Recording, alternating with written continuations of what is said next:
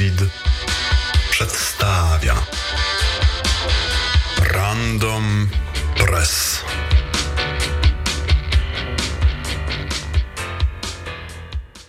Kiedy w marcu lnieją bobry, kurs bitcoina będzie dobry.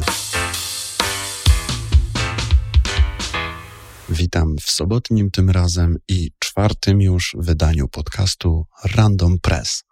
Dzisiejsze wieczorne, losowe ziarno prasowe to kilka newsów dotyczących bezpieczeństwa IT, jeden poświęcony open source i ciekawy apel. Zapraszam. Serwis Tech Driven za oficjalnym komunikatem Facebooka podaje, że gigant z sieci społecznościowych przyznał się do tego, iż przechowywał wiele haseł w postaci jawnego tekstu.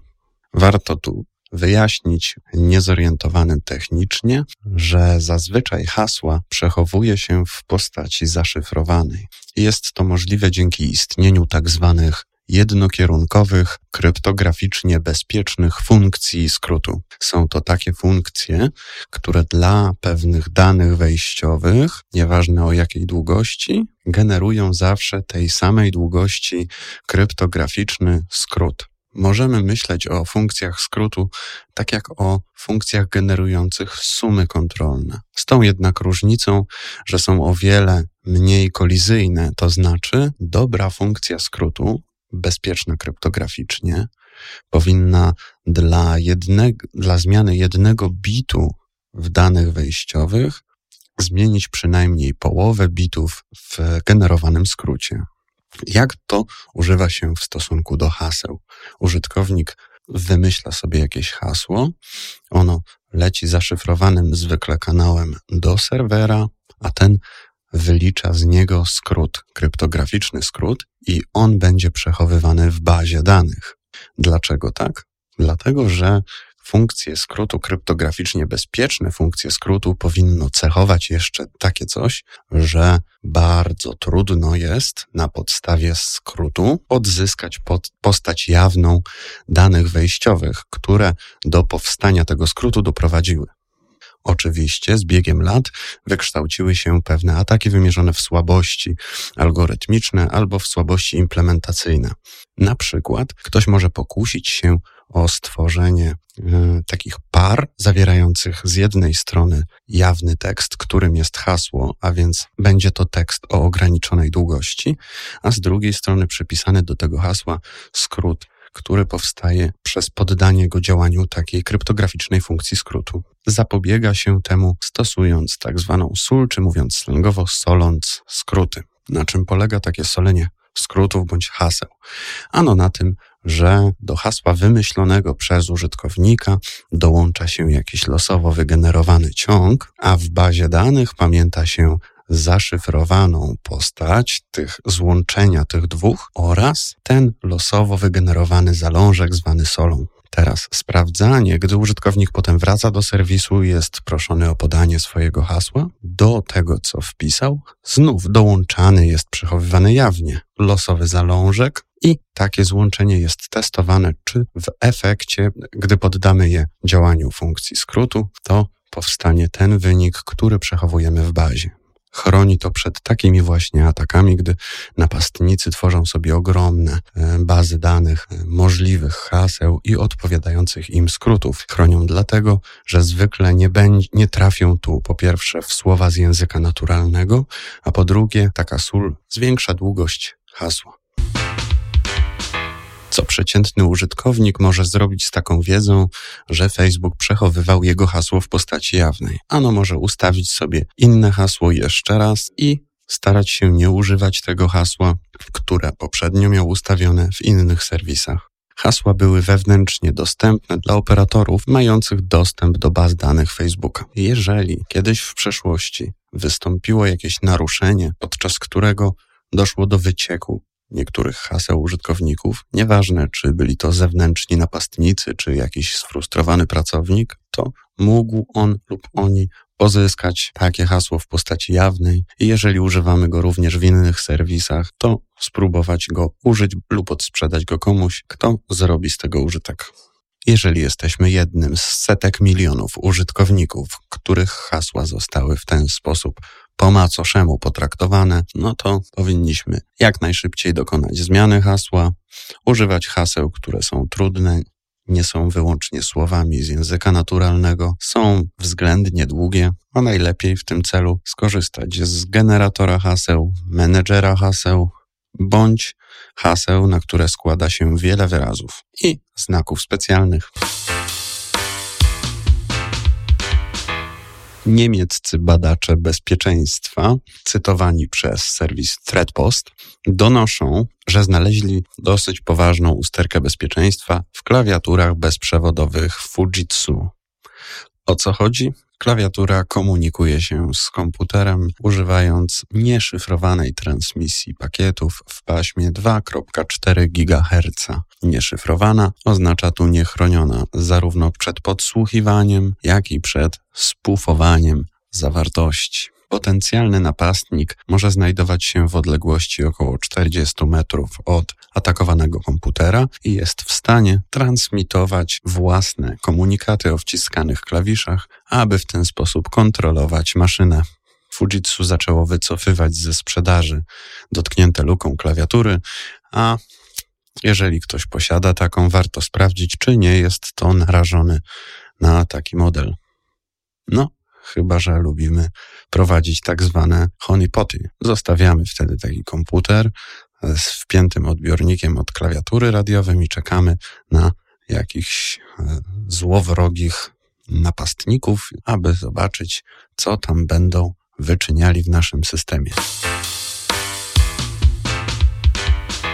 Serwis ZDNet podaje, że dwie trzecie wszystkich antywirusów na Androida to aplikacje, które tylko udają, że coś robią. Tylko 80 z 250 testowanych aplikacji przeszło podstawowy test który polegał na tym, że muszą wykryć przynajmniej 30% malware'u. Wiele z aplikacji nie dość, że nie przechodzi tego testu z powodu niskiej skuteczności, to one wręcz nie mają nic nic wspólnego z ochroną antywirusową, poza nazwą. Co więcej, niektórzy producenci takich aplikacji idą o krok dalej i ich dzieła nie dość, że nie są stworzone do wykrywania wirusów, mimo że tak się nazywają, to w dodatku straszą użytkownika, że niby coś znalazły, a więc dają mu takie fałszywe alarmy, aby skłonić go do dalszych zakupów. Organizacja AV Comparatives, która przeprowadziła te testy, podsumowuje swoje badanie w ten sposób, że tylko 23 aplikacje ze wszystkich deklarujących się jako antywirusowe przeszły wszystkie zakładane próby wykrywania szkodliwego oprogramowania. Z kolei 16 z aplikacji Działałoby dobrze, gdyby były dostosowane do Androida w wersji 8, a z powodu tego, że nie są, nie mogą w pełni chronić urządzenia i danych użytkownika. Ponad 650 milionów ludzi na całym świecie korzysta z różnych mechanizmów ukrywania swojej tożsamości, przez pseudonimizację bądź anonimizację z użyciem najprzeróżniejszych mechanizmów, z których najpopularniejszym jest VPN, czyli użycie wirtualnych sieci prywatnych. Wychodząc im naprzeciw, Opera, producent popularnej przeglądarki, wyposaża jej androidową wersję w darmowy VPN chronione kluczem o długości 256 bitów, Połączenie z, ze zdalnym serwerem Opery chroni prywatność użytkowników przed ciekawskimi oczętami operatorów i służb. Więcej na ten temat możemy przeczytać w serwisie VentureBeat. Serwis Star Tribune podaje za komunikatem Departamentu Bezpieczeństwa Wewnętrznego Stanów Zjednoczonych Ameryki, że 750 tysięcy defibrylatorów firmy Medtronic podatnych jest na ataki. Specjaliści z Departamentu Bezpieczeństwa e, wydali taką notę zawiadamiającą, nazwaną też alertem, w której opisują dwa typy podatności na zagrożenia w 16 różnych modelach defibrylatorów. Wyjaśnijmy jeszcze, że nie chodzi tutaj o takie defibrylatory używane do ratowania ludzi na ulicach, ale o wszczepiane w ciało pacjenta defibrylatory wyposażone w odpowiednią elektronikę, których zadaniem jest pobudzanie pracy serca wtedy, kiedy jest to potrzebne i konieczne. Pierwsza z usterek pozwala zdalnemu napastnikowi wprowadzić urządzenie w błąd co do kondycji pacjenta, także zacznie ono go zbyt gorliwie ratować, co może doprowadzić do zatrzymania akcji serca. Druga z usterek, trochę mniej poważna, pozwala podsłuchiwać dane wymieniane między defibrylatorem a stacją umieszczoną, stacją monitorującą umieszczoną na przykład u lekarza bądź w domu pacjenta. Tam mamy do czynienia po prostu z wyciekiem wrażliwych danych dotyczących stanu zdrowia. I tutaj mała ciekawostka. Defibrylatory da się uchronić przed atakami, stosując takie obejście polegające na wyłączeniu komunikacji bezprzewodowej.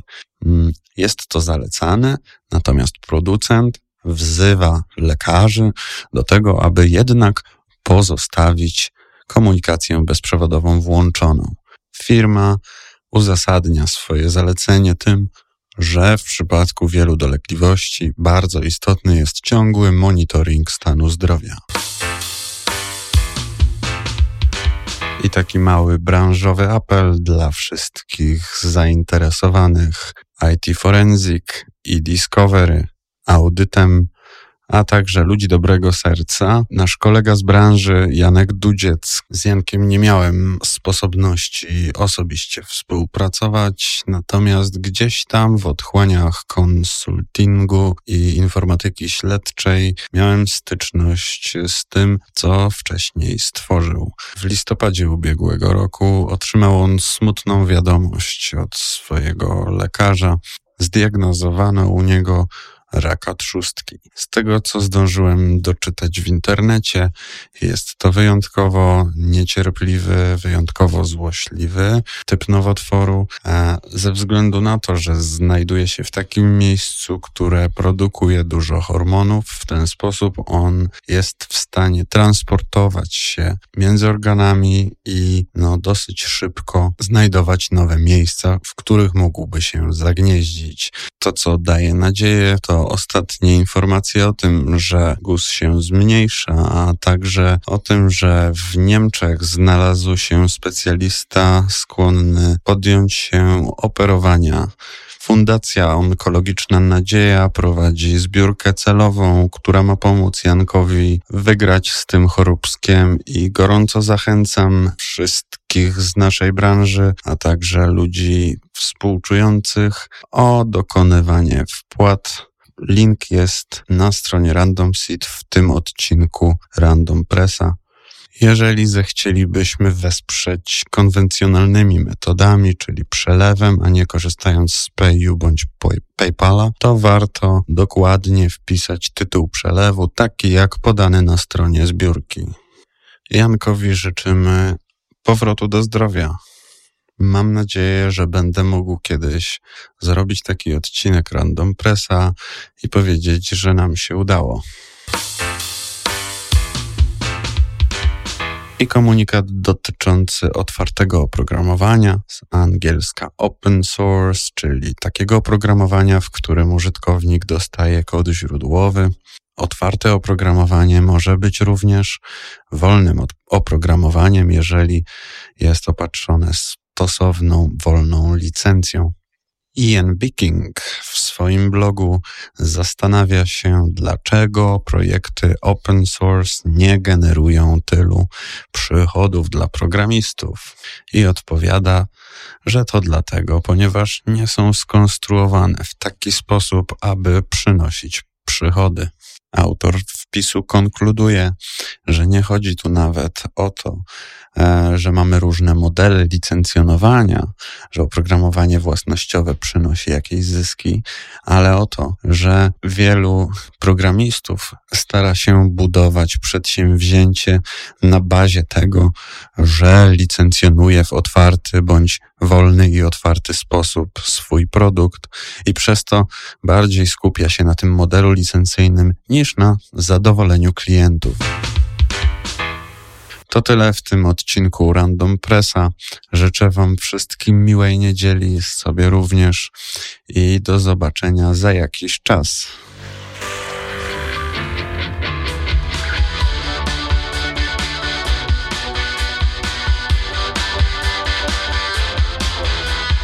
Random Press.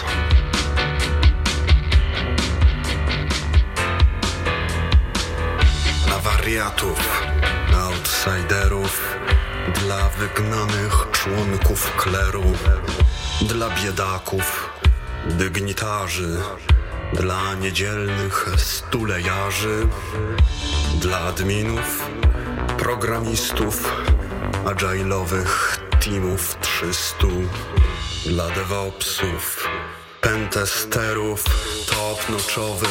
bug hunterów, dla hakierek i hakierów, klożurystów i lisperów, dla ćwiczących gdzieś dla masy.